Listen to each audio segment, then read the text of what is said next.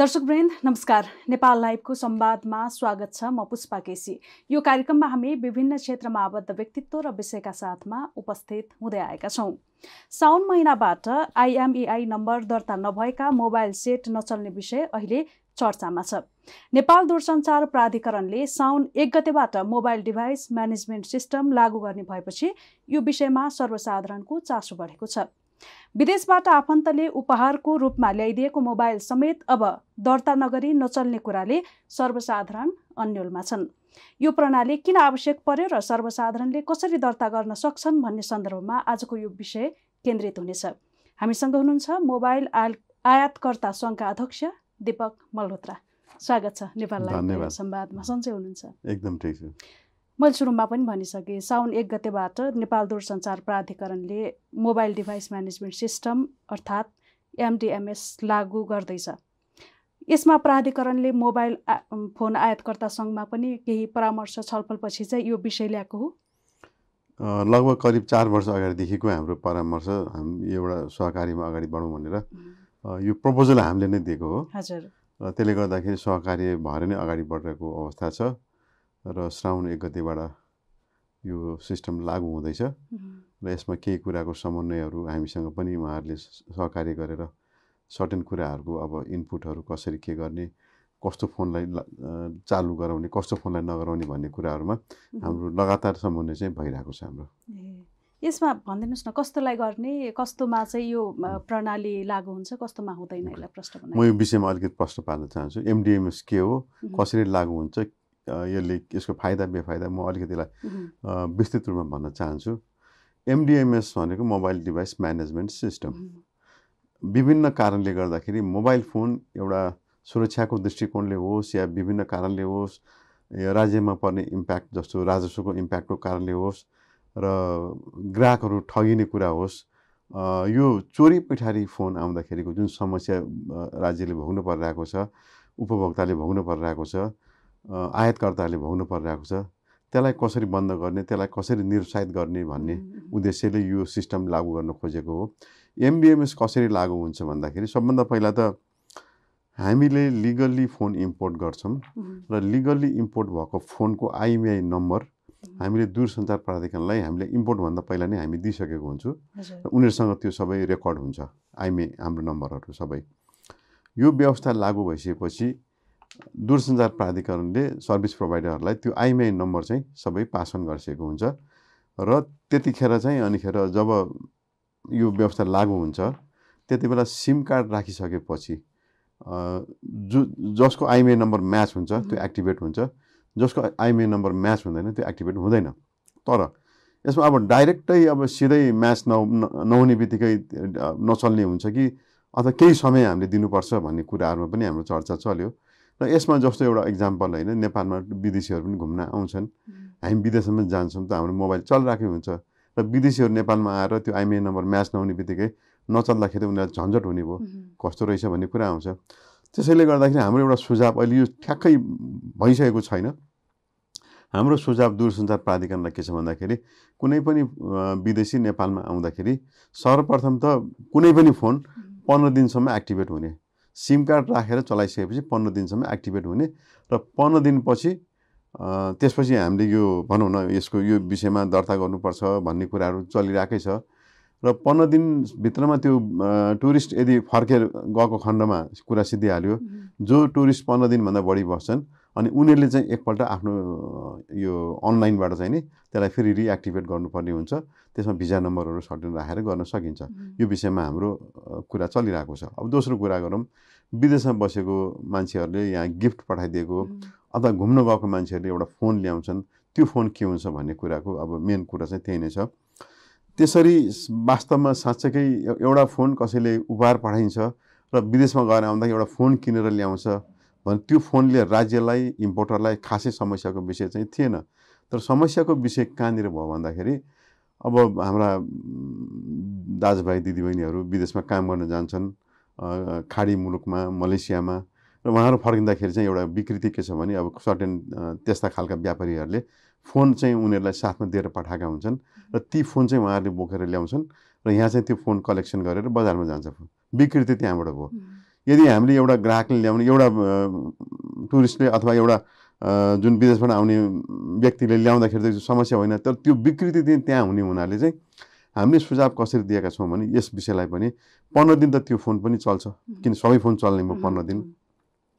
र पन्ध्र दिनभित्रमा यदि कसैले त्यसरी फोन ल्याएको छ भने त्यसले किनेको बिलको आधारमा बिलको आधारमा त्यसलाई एक्टिभेट गर्न सकिन्छ।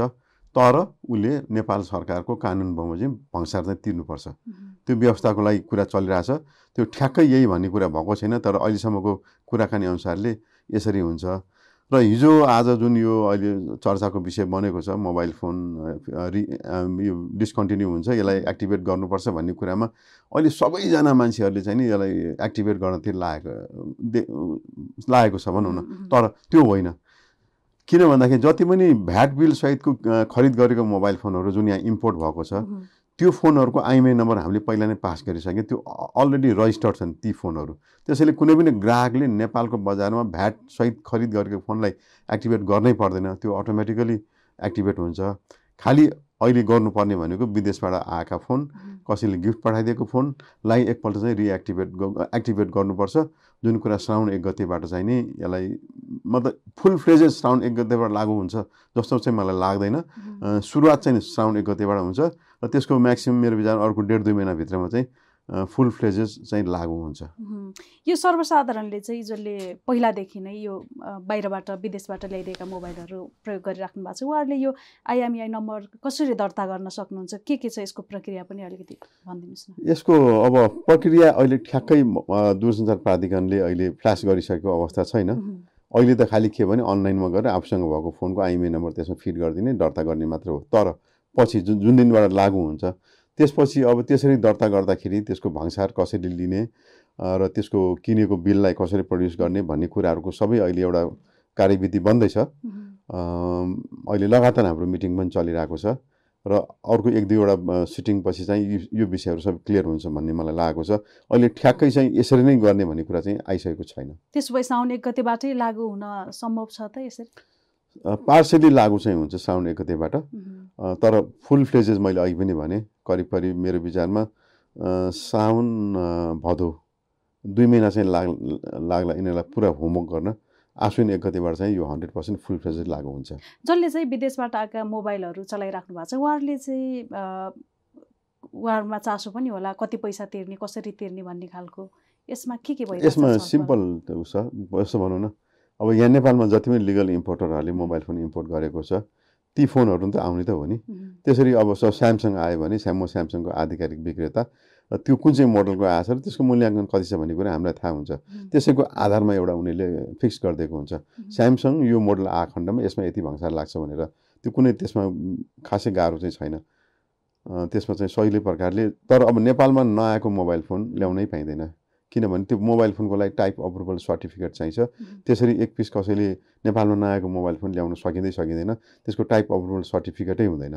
अहिले पनि हामीले मोबाइल इम्पोर्ट गर्दाखेरि त्यो मोबाइलको टाइप अप्रुभल सर्टिफिकेट हामीले प्रड्युस गर्नुपर्छ जुन हामीलाई कम्पनीले पठाएको हुन्छ। तर जुन फोन नेपालमा आएको छैन नेपालको आधिकारिक विक्रेताले नेपालमा भित्रै छैन त्यसको टाइप अप्रुभल सर्टिफिकेटै हुँदैन। त्यसले गर्दा त्यस्ता फोनहरू त नेपालमा चल्दै चल्दैन। यसमा अलिकति हाम्रो दर्शकहरूलाई पनि बुझाइदिनु यो वैध र अवैध नै फोन भयो होइन? यो त जसले चाहिँ भन्सार छलेर ल्याउनुहुन्छ दर्ता नगरेर ल्याउँछ त्यो चाहिँ अवैध रूपमा गर्ने हो यसको फाइदा र बेफाइदा के हुन्छ यो मोबाइल प्रयोग गर्नुको फाइदा र बेफाइदा? अब सबभन्दा पहिला अब वैध मोबाइल फोन प्रयोग गर्दाखेरिको फाइदातिर जाऊँ होइन। सबभन्दा पहिला त एउटा देशको नागरिकको हिसाबले राज्यलाई दिनुपर्ने आफ्नो दायित्वलाई पुरा गर्नको लागि यसरी वैध मोबाइल फोन आउँदाखेरि हामी भङ्सार तिर्छौँ। जुन एउटा राज्यले त्यसको भनौँ न उठाउनु पर्ने यो ट्याक्सहरू उठाइन्छ त्यो एउटा आम नागरिकको एउटा कर्तव्य पनि हो नम्बर वान। नम्बर टू अर्को फाइदा के हुन्छ भन्दाखेरि वैध फोन किन्दाखेरि हामीले त्यसको सर्टेन वारेन्टीहरू दिएका हुन्छौँ। बिग्रिँदाखेरि त्यो बनाइदिने छ महिनाको वारेन्टी एक वर्षको वारेन्टी खसेर फुट्दाखेरि स्क्रिन चेन्ज गर्नेदेखि ती सब कुरा हामी गर्छौँ। तर अवैध फोनमा ती खालका कुनै वारेन्टी पनि पाइँदैन। त्यस्तो खालको कुनै ग्यारेन्टी पनि हुँदैन। त्यसपछि आएर अब अवैध मोबाइल फोनको अरू बेफाइदातिर पनि जाम हामीहरू होइन? अब थाहा हुन्न छिमेकी राष्ट्र भारतमा चोरी गरेर ल्याएको फोन पनि नेपालमा बिक्री गरेको अवस्था हुन्छ। नेपालबाट पनि फोन चोरी गरेर भारतमा लगेर बिक्री गरेको हुन्छ। चोरी गरेको फोन अक्सर आफ्नो देशमा बेच्दैन किनभने त्यो आइएमआई नम्बर ट्र्याक हुन्छ र समातिन्छ भनेर। र त्यसरी अब बिना बिलको अवैध फोन किन्दाखेरि सपोज मानौँ तपाईँ पर्नुभयो त्यो चोरी गरेको फोनमा तपाईँ पर्नुभयो र त्यो भारतबाट चोरी गरेर ल्याएको फोन त्यो कम्प्लेन त गरिसकेको हुन्छ पुलिसमा। र तपाईँ कथम कता त्यो फोन लिएर इन भारत जानुभयो र त्यहाँ चलाउनु भयो भने तुरन्त ट्र्याक हुन्छ र तपाईँलाई भनौँ न पक्राउन पनि सक्छ। त्यो खालको बेफाइदाहरू ठुलो बेफाइदाहरू हुन्छ। त्यसपछि आएर जस्तो भनौँ न अब यो जुन अवैध फोनहरू आउँछन् त्यसमा कुनै पनि अब ब्याट्रीहरू भनौँ अथवा एड्याप्टरहरू भनौँ त्यसमा फेरि सबै जेनुन हुन्छ भने जरुरी नै छैन। त्यसमा के गर्छन् भन्दाखेरि यो व्यापारीहरूले त्यस्ता ओरिजिनल एड्याप्टरहरू महँगो भावमा बेच्छन् र सस्तो खालको एड्याप्टर त्यसमा राखेर पनि बेच्ने गरेर गएको हामीले देखेको छु ग्राहकहरू ठगिन्छन् यसमा। र अर्को सबभन्दा जरुरी कुरा चाहिँ नि लिगल मोबाइल फोन आउँदाखेरि जस्तो यो सुरक्षाको पनि दृष्टिकोणले मैले अघि कुरा गरेँ हामीले इम्पोर्ट गरेको फोन हामीले कसलाई बेच्यौँ? कुन डिस्ट्रिब्युटरलाई बेच्यौँ? कुन डिस्ट्रिब्युटरले कुन डिलरलाई बेच्यो र कुन डिलरले कुन चाहिँ ग्राहकलाई बेच्यो भने सबै ट्र्याक हुन्छ रेकर्ड हुन्छ। तर अवैध मोबाइल फोनको त्यस्तो कुनै ट्र्याकै हुँदैन र कथम कदाचित अब सिमबाट त ट्र्याक गर्छन् तर सिमबाट ट्र्याक गरेर भनौँ अब कसै अरूको नागरिकताबाट पनि सिम कार्ड लिएको हुन्छ। तर हामीसँग किनेको नेपालमा लिगली इम्पोर्टेड फोन भएको खण्डमा यो सुरक्षाकर्मीहरूलाई सिम कार्डबाट ट्र्याक भइसकेपछि त्यो कुन चाहिँ आइएमआई नम्बरको मोबाइल फोन चलाएको छ भन्ने कुरो थाहा हुन्छ। र त्यसपछि त्यो आइएमआई नम्बरलाई लिएर हाम्रोमा आउँदाखेरि हामीले एउटा त्यसको विस्तृत हामी जानकारी दिन सक्छौँ। यी सब कारणले गर्दाखेरि मोबाइल फोन जस्तो चिज चाहिँ नि लिगल फोन वैध तरिकाले आयात गरेको फोनै मात्र चलाउनुपर्छ किन्नुपर्छ बिक्री गर्नुपर्छ भन्ने हाम्रो मान्यता हो। र सबभन्दा ठुलो अब मैले भन्नुपर्दाखेरि म एउटा इम्पोर्टरको नाताले यो अवैध फोन नेपालमा झन् झन्डै चालिस पर्सेन्ट भित्रिरहेको अवस्था छ। र त्यसले गर्दाखेरि हाम्रो बजारलाई पनि निकै बिगारेको अवस्था छ। आजभन्दा करिब दुई तिन वर्ष अगाडि मोबाइल फोन इम्पोर्ट गर्दाखेरि केही प्रतिशत भ्याट फिर्ता पाइन्थ्यो जुन अहिले पाइँदैन। त्यसले गर्दा त्यो डिफ्रेन्स बढ्न गएको कारणले गर्दाखेरि चोरी पैठारी एकदमै मौलाएको अवस्था छ। त्यसले गर्दाखेरि हाम्रो पनि निरन्तर माग थियो। यो एमडिएमएस लागू गरेको खण्डमा यी सब कुरा रोक्न सकिन्छ भनेर र अब यो लागु हुँदैछ ज्यादै खुसीको कुरा हो। अब जस्तो यो आइएमइआई नम्बर चाहिँ दर्ता भएको छ कसैले दर्ता भएकै किन्नुभयो र यो प्रणाली चाहिँ लागु भयो भने उहाँको कसैको मोबाइल चोरी भयो र यहाँले भन्नुभयो कि जस्तो जसले चोर्छ त्यसले चाहिँ आफ्नै देशमा मोबाइल बेच्दैन।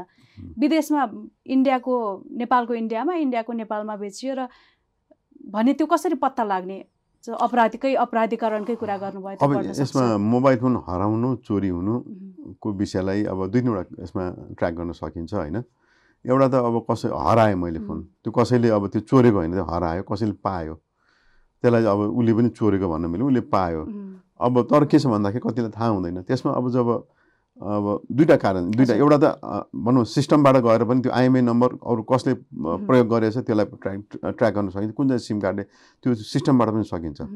र कतिपय मोबाइल फोनमा त्यो पनि गर्नु पर्दैन। जस्तो कि सिम कार्ड चेन्ज गर्ने बित्तिकै हामीले अब यो धेरै थाहा पनि छैन म एउटा प्रकाश पार्न चाहन्छु। मोबाइल फोन प्रयोग गर्दाखेरि त्यसमा एउटा हामीले एउटा सिस्टम हुन्छ। त्यो सिस्टममा चाहिँ हामीले के गर्न सक्छौँ फिट गर्न सक्छौँ भने यो फोन हराउँदाखेरि चाहिँ नि अरू कसैले सिम कार्ड चेन्ज गर्दाखेरि इमिडिएटली पाँच ठाउँमा एसएमएस जान्छ।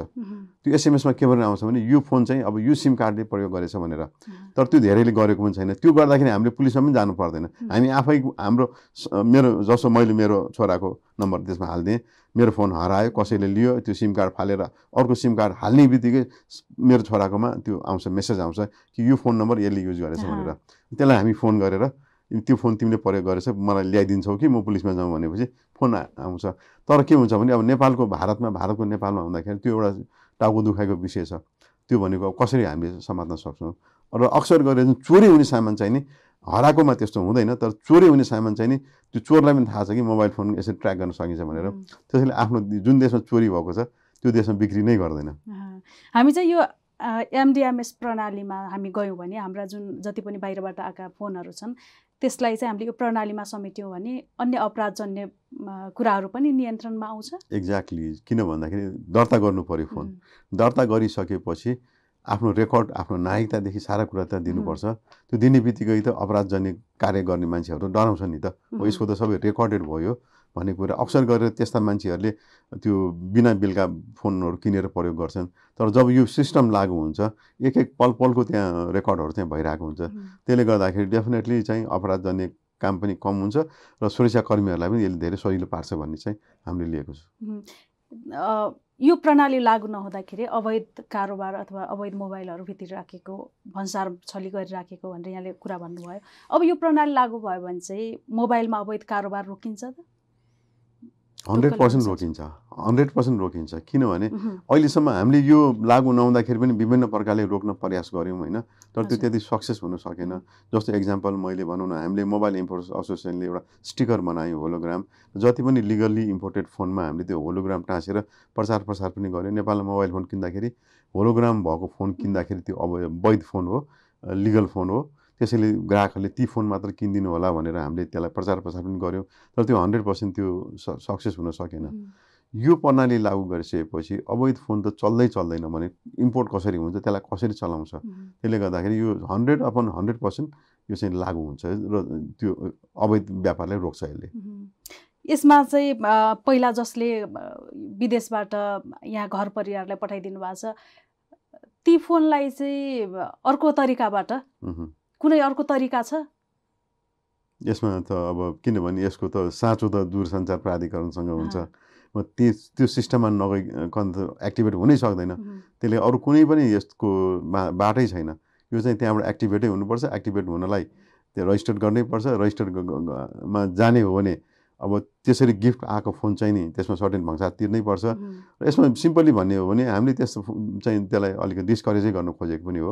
हाम्रो देशमा पाइन्छ फेरि नेपालमा फोन त्यति महँगो पनि छैन सस्तै छ। मान्छेले थाहा नपाएर पठाइदिन्छन् बाहिरबाट गिफ्ट पठाइन्छन् किनेर ल्याउँछन्। त्यसको वारेन्टी हुन्न विभिन्न खालको समस्या भोग्नु परिरहेको छ। र यसरी हाम्रो एउटा पोलिसी पनि छ जस्तो म स्यामसङको कुरा गरेको। हामीले चाहिँ हाम्रो पोलिसी के छ के भन्छ भने बाहिरबाट ल्याएको स्यामसङ फोन हामी बनाउँदिनँ। नेपालमा फोन यहीँ किने यहीँ किने हुन्थ्यो नि त भनेर त्यो खालको पोलिसी छ। त्यसले गर्दाखेरि बाहिरबाट गिफ्ट आएको फोनहरूलाई धेरै समस्याहरू छ। त्यसले गर्दाखेरि अब त्यो बन्दै पनि हुँदैछ। र त्यो बानी चाहिँ अब चेन्ज गर्नु पऱ्यो बसाल्नु पऱ्यो नेपालमै फोन किन्ने भनेर।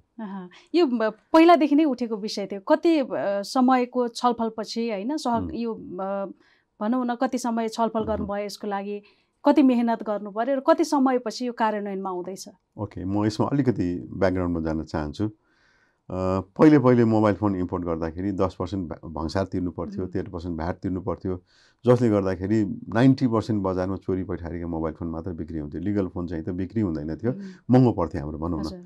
त्यसपछि हामीले बारम्बार बारम्बार हामी अर्थ मन्त्रालयमा गयौँ अर्थ सचिवज्यूहरूलाई भेट्यौँ। मोबाइल फोनमा यो तेह्र पर्सेन्ट भ्याट प्लस भङ्सारले गर्दाखेरि हाम्रो बजार हामीले व्यापारै गर्न सकेनौँ। भन्ने कुरा निरन्तर हामीले दबाब दिइसकेपछि त्यति बेला चाहिँ नि उहाँहरूले हाम्रो कुरा सुनिदिनु भयो र मोबाइल फोन इम्पोर्ट गर्दाखेरि भङ्सार जिरो र हामीले तिरेको भ्याटमा पनि सिक्सटी पर्सेन्ट हामीलाई फिर्ता दिने। त्यो किन भन्दाखेरि भ्याटमा एउटै मात्र दर रेट छ नेपालमा मल्टिपल भ्याट रेट छैन तेह्र पर्सेन्ट छ र कतिपय वस्तुमा तेह्र पर्सेन्ट भ्याट लगाउँदा त्यो महँगो पर्न जान्छ। त्यसले गर्दाखेरि मल्टिपल भ्याटको रेट नभएको हुनाले अनि हामीले भङ्सार तिर भङ्सारमा इम्पोर्ट भइसकेपछि भ्याट तिरिसकेपछि त्यसको छ महिनामा हामीले त्यो बिक्री गरेको प्रमाण देखाइसकेपछि हामीलाई सिक्सटी पर्सेन्ट भ्याट फिर्ता गर्थ्यो। त्यसपछि दुई तिन वर्ष राम्रो व्यापार चलेको थियो। त्यसपछि फेरि अर्थ मन्त्रालयले यो सिक्सटी पर्सेन्ट भ्याट बढी भयो भनेर त्यसलाई फिफ्टीमा झार्यो फिफ्टीमा झारेपछि त्यसलाई फेरि एक वर्षपछि फोर्टीमा झार्यो र त्यसपछि फेरि फोर्टीबाट चाहिँ अब यो भ्याट फिर्ता नदिने भन्ने कुरा आयो। त्यति बेला हामीले चाहिँ के भन्यो भन्दाखेरि ठिक छ भ्याट फिर्ता हामीलाई दिनु पर्दैन। भ्याट फिर्ता दिनुको कारण के भने हाम्रो मोबाइल फोन सस्तो पर्छ चोरी पैठारी रोक्नलाई मात्र। त्योभन्दा बढी हाम्रो कुनै इन्ट्रेस्ट छैन। हामीले इम्पोर्टरले पनि त्यसको एक्स्ट्रा बेनिफिट पनि लिएको छैन। जुन हामीले भ्याट फिर्ता पाउँछौँ त्यो पहिला नै हामीले कस्टमा माइनस गरिदिइसकेको हुन्छु। त्यसले गर्दाखेरि मोबाइल फोन सस्तो रेटमा बाहिर गइरहेको थियो। चोरी पैठारी आउनै सकेको थिएन। एउटा रोक्ने बाटो त्यो भइरहेको थियो। तर त्यसपछि भ्याट फिर्ता नदिने भने चाहिँ हामीले उहाँलाई एडभाइस गर्ने। मोबाइल फोनमा अरू पनि विभिन्न कारण छ जसले गर्दाखेरि यसलाई चोरी पैठाएर रोक्न सकिन्छ। त्यसमध्ये एउटा भनेको एमडिएमएस हो। एमडिएमएस लागू गरेको खण्डमा हामीलाई भ्याट फिर्ता पनि चाहिँदैन र यसमा थप अन्तशुल्क भङ्सार दिँदा पनि हुन्छ। किन अर्को बाटोबाट आउनै नसकेपछि त हामीले इम्पोर्ट गरेको फोनै मात्र किन्नुपर्ने हुन्छ। भन्ने कुरा गरेपछि यो करिब चार वर्ष अगाडिको कुरा हो। त्यसपछि अनिखेर ल हुन्छ भन्ने कुरामा अगाडि बढ्यो यो कुरा। चार वर्ष अगाडिदेखि अगाडि बढेको कुरा हो तर विभिन्न कारणले गर्दाखेरि अब नेपालको ताल तपाईँलाई सबैलाई थाहा भएको कुरा हो। यो चाहिँ त्यति बेला लागु हुन सकेन। र तिन वर्ष अगाडि अर्थमन्त्री युवराज खतिवडाजीले चाहिँ एक्कासी चाहिँ नि यो भ्याट फिर्ता चाहिँ हटाउने भनेर मोबाइलमा मात्रै अन्य वस्तुमा पनि हटाउने भन्ने कुरा निकाल्नुभयो। र मोबाइल फोनमा जुन यो भ्याट फिर्ता नदिने भयो। तर हाम्रो एउटा रिक्वेस्ट के थियो भने भ्याट फिर्ता नदिनु हामीलाई चाहिँदैन। तर यो अवैध तरिकाले इम्पोर्ट भएको फोनलाई रोक्ने के त त्यो बाटो के त? एमडिएमएस हो। त्यो लागू गर्नु भनेपछि त्यति बेला पनि हामीले तिन वर्ष अगाडि कुरा गर्दैछौँ म है। अब दुई तिन महिनामा यो हामी लागू गर्छौँ भनेर यो हामीले आश्वासनै पाएको दुई तिनमा यो तिन वर्ष अगाडि। तर अब तिन वर्ष भइसक्यो अहिलेसम्म। त यसपालि राम्रो कुरा के भयो भन्दाखेरि यसपालि बजेट भाषणमै बोलेको अवस्था छ। आजभन्दा पहिला कहिले पनि यसरी बजेट भाषण बोलेको थिएन। त्यो कारणले हामीले विश्वास पनि गऱ्यौँ र अहिले जुन किसिमको प्रगति भएर भएर गइरहेको छ मलाई लाग्छ अब यो बढीभन्दा बढी अर्को दुई महिनामा त फुल फ्लेज लागु हुन्छ र साउन एक गतिबाट त पक्कै पनि लागु हुँदैछ। एमडिएमएस लागु भइसकेपछि विदेशबाट जसरी अहिले फोनहरू आइराखेको छ त्यसरी फोन आएर भन्सार शुल्क तिर्दाखेरि अथवा आइएमइआई नम्बर चाहिँ दर्ता गरेपछि सस्तो पर्छ कि यहीँ किन्दाखेरि यहाँको ग्राहकले चाहिँ सस्तोमा अवश्य यहीँ किन्दा सस्तो पर्छ नि। किन भन्दाखेरि आखिरमा हामीले त कम्पनीबाट फ्याक्ट्रीबाट ल्याउने फोन हो। हाम्रो कस्टै कम हुन्छ।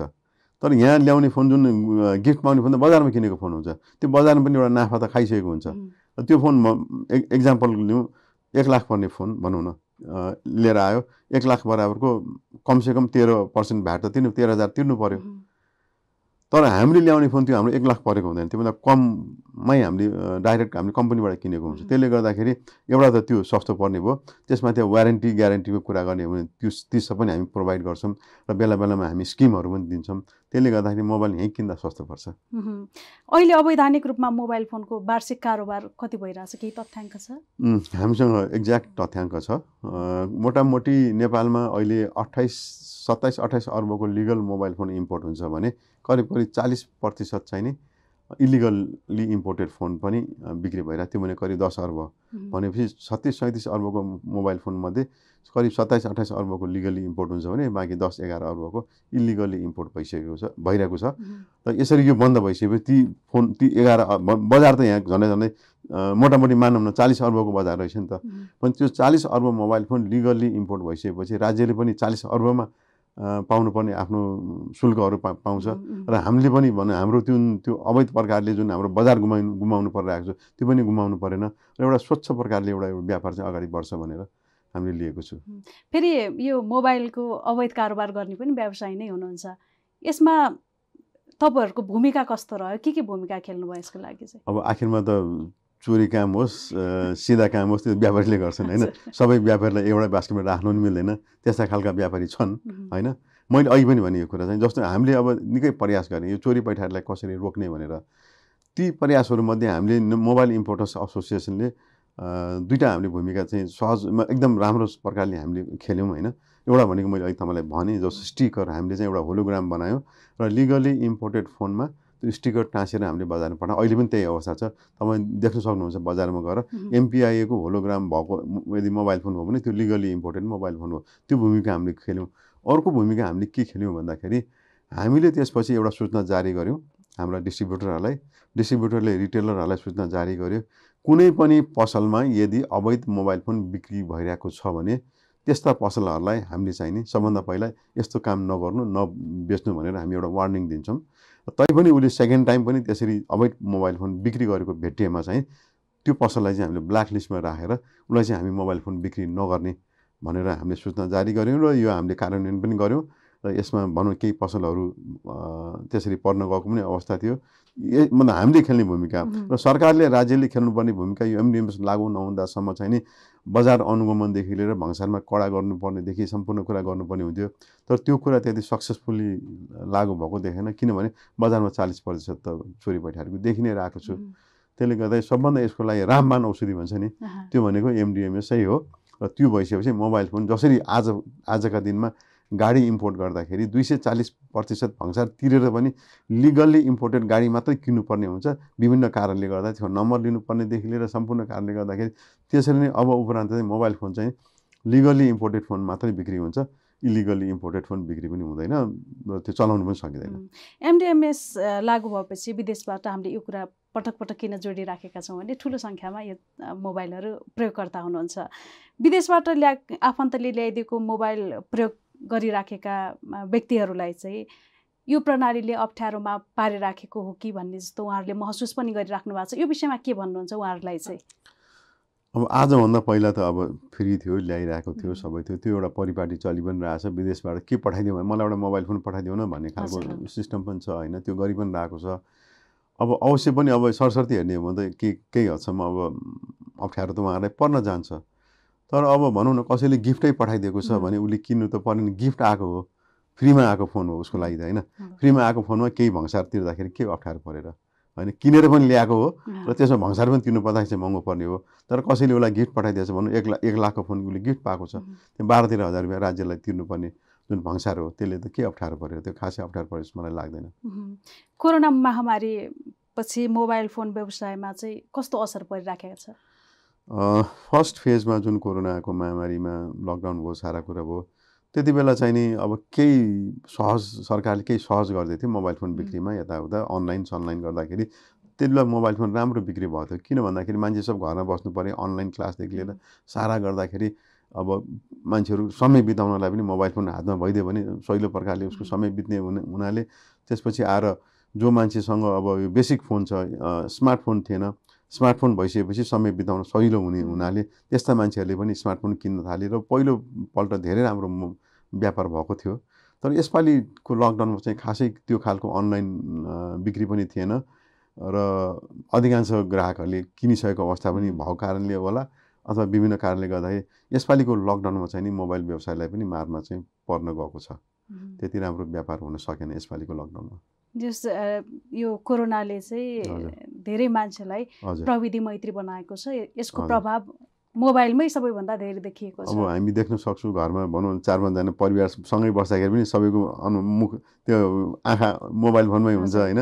किन त्यो खालको अहिले एउटा भनौँ न गइसकेको छ र अब आफूलाई चाहिने सम्पूर्ण कुरा मोबाइल फोनमा छ। अब प्रविधि मैत्री तपाईँले भन्नुभयो। आफूलाई आफ्नो कामलाई पनि सहज पार्नको लागि र अहिले विशेष गरेर यो जुम मिटिङहरू भइरहेछ यो सब मोबाइल फोनबाटै हुन्छ होइन।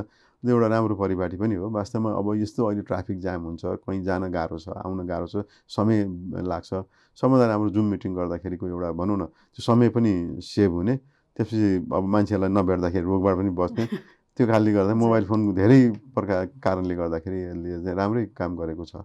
हामी कार्यक्रमको अन्त्य अन्त्यतिर आइसकेका छौँ। नेपाल राष्ट्र ब्याङ्कले मौद्रिक नीति पनि ल्याउँदैछ। यसमा तपाईँको कस्तो सुझाव छ? यसमा धेरैपल्ट हामीले सुझाव पनि दिइसक्यौँ। नेपाल चेम्बर अफ कमर्सको भाइस प्रेसिडेन्टको नाताले हामी गभर्नर साहबलाई भेट्न पनि गयौँ र हामीले विभिन्न सुझावहरू दिएका छौँ। र ती सुझावहरूमा म एउटा कुरालाई मात्र बढी स्ट्रेस गर्न चाहन्छु। पोहोर सालको जुन मौद्रिक नीतिमा पनि कोरोनाको प्रभाव परेर अर्थतन्त्र धराशय हुने अवस्था थियो। तर राष्ट्र ब्याङ्कले एउटा राम्रो भूमिका त्यति बेला के खेल्यो भन्दाखेरि अब यो रिस्ट्रक्चरिङ रिफाइनेन्सिङ ब्याज त्यो अब सस्तो दर रेटमा ब्याजमा ऋण उपलब्ध गराउने भन्ने कुराहरू त सबै सधैँ छ। केही हदसम्म त्यो गरेको पनि छ र त्यो पूर्ण रूपमा लागु नभएको अवस्था पनि छ। तर सबभन्दा राम्रो काम जुन पोहोर साल के भयो भन्दाखेरि राष्ट्र ब्याङ्कले विभिन्न कमर्सियल ब्याङ्कहरूमा करिब करिब दुई खर्ब रुपियाँ चाहिँ छोडिदिरहेको अवस्था थियो। लिक्विडिटिजमा टाइट नहोस् भनेर। त्यसको कारण के भन्दाखेरि लिक्विडिटी इजिली एभाइलेबल भयो भने ब्याङ्कहरूमा त्यो कम्पिटिसन हुन्छ र ब्याज दर घट्न जान्छ। हाम्रो माग के थियो भने पोहोर साल पनि बाह्र तेह्र पर्सेन्ट ब्याजलाई चाहिँ सिङ्गल डिजिटमा ल्याउनुपर्छ भन्ने हाम्रो ठुलो एउटा माग थियो र नभन्दै त्यो वास्तवमा त्यो कारणले गर्दाखेरि पोहोर साल लकडाउन सकेपछि ब्याज यति घट्न गयो। सात आठ बाह्र तेह्र पर्सेन्टको ब्याज सात आठ पर्सेन्टमा घट त्यो घट्ने बित्तिकै अर्थतन्त्र मजाले चलायमान पनि भयो र मान्छेलाई काम गर्न गाह्रो पनि भएन। थप लोन पनि लियो। थप लोन लिँदाखेरि पनि त्यो ब्याज घटेको हुनाले त्यो त्यति उसलाई त्यसको दायित्व त्यति बढी हुन गएन। अब यसपालिको अवस्था पनि त्यही नै छ होइन? अब झन्डै झन्डै पचास दिन अब निषेधाज्ञा जारी भएको अवस्था छ भर्खर खुलेको छ र अब मौद्रिक मौद्रिक नीति आउँदैछ र हाम्रो विभिन्न मागहरूमध्ये जोरदार माग चाहिँ हामीले यही नै गरेछौँ कि कुनै पनि हालतमा जुन भूमिका लास्ट टाइम राष्ट्र ब्याङ्कले खेलेको यसपालि पनि मौद्रिक नीतिमा त्यही भूमिका खेल्नुपर्छ र कुनै पनि हालतमा ब्याज दर चाहिँ बढ्नु हुँदैन। बढाउनु हुँदैन। यसको लागि कसरी रोक्नुपर्छ भन्ने कुरालाई चाहिँ विशेष भूमिका खेल्नुपर्छ भनेर चाहिँ हामीले यो कुरालाई चाहिँ बढी स्ट्रेस दिएको छु। बाँकी अन्य कुराहरू त अब बारम्बार भनिरहेको छु। रिस्ट्रक्चरिङदेखि लिएर रिफाइनेन्सिङदेखि लिएर रिभ्यू गर्नेदेखि लिएर सारा कुरा भनिरहेको छु। होला लागु होला। तर अलिकति यसपालि डर के छ भन्दाखेरि पोहोर सालको जस्तो लिक्विडिटी फ्रिली एभाइलेबल छैन ब्याङ्कहरूमा। अलिक टाइट भएको अवस्था छ। त्यसले गर्दाखेरि ब्याज बढ्ला कि भन्ने एउटा डर चाहिँ छ। तर ब्याज बढेको खण्डमा चाहिँ अर्थतन्त्रलाई नकारात्मक असर चाहिँ यसले पार्छ। त्यसले गर्दाखेरि अहिले ठुलो चुनौती चाहिँ राष्ट्र ब्याङ्कलाई भइरहेछ मौद्रिक नीतिमा। ब्याज दरलाई चाहिँ यथावत यही स्थितिमा राख्नको लागि। हुन्छ समय विचारको लागि धेरै धेरै धन्यवाद। थ्याङ्क यू यहाँलाई पनि। दर्शक वृन्द नेपाल लाइभ संवादमा आज हामीसँग हुनुहुन्थ्यो मोबाइल आयातकर्ता सङ्घका अध्यक्ष दीपक मल्होत्रा। आजलाई नेपाल लाइभको यो संवाद यति नै। अर्को विषय र व्यक्तित्वका साथमा हामी उपस्थित हुने नै छौँ। नमस्कार।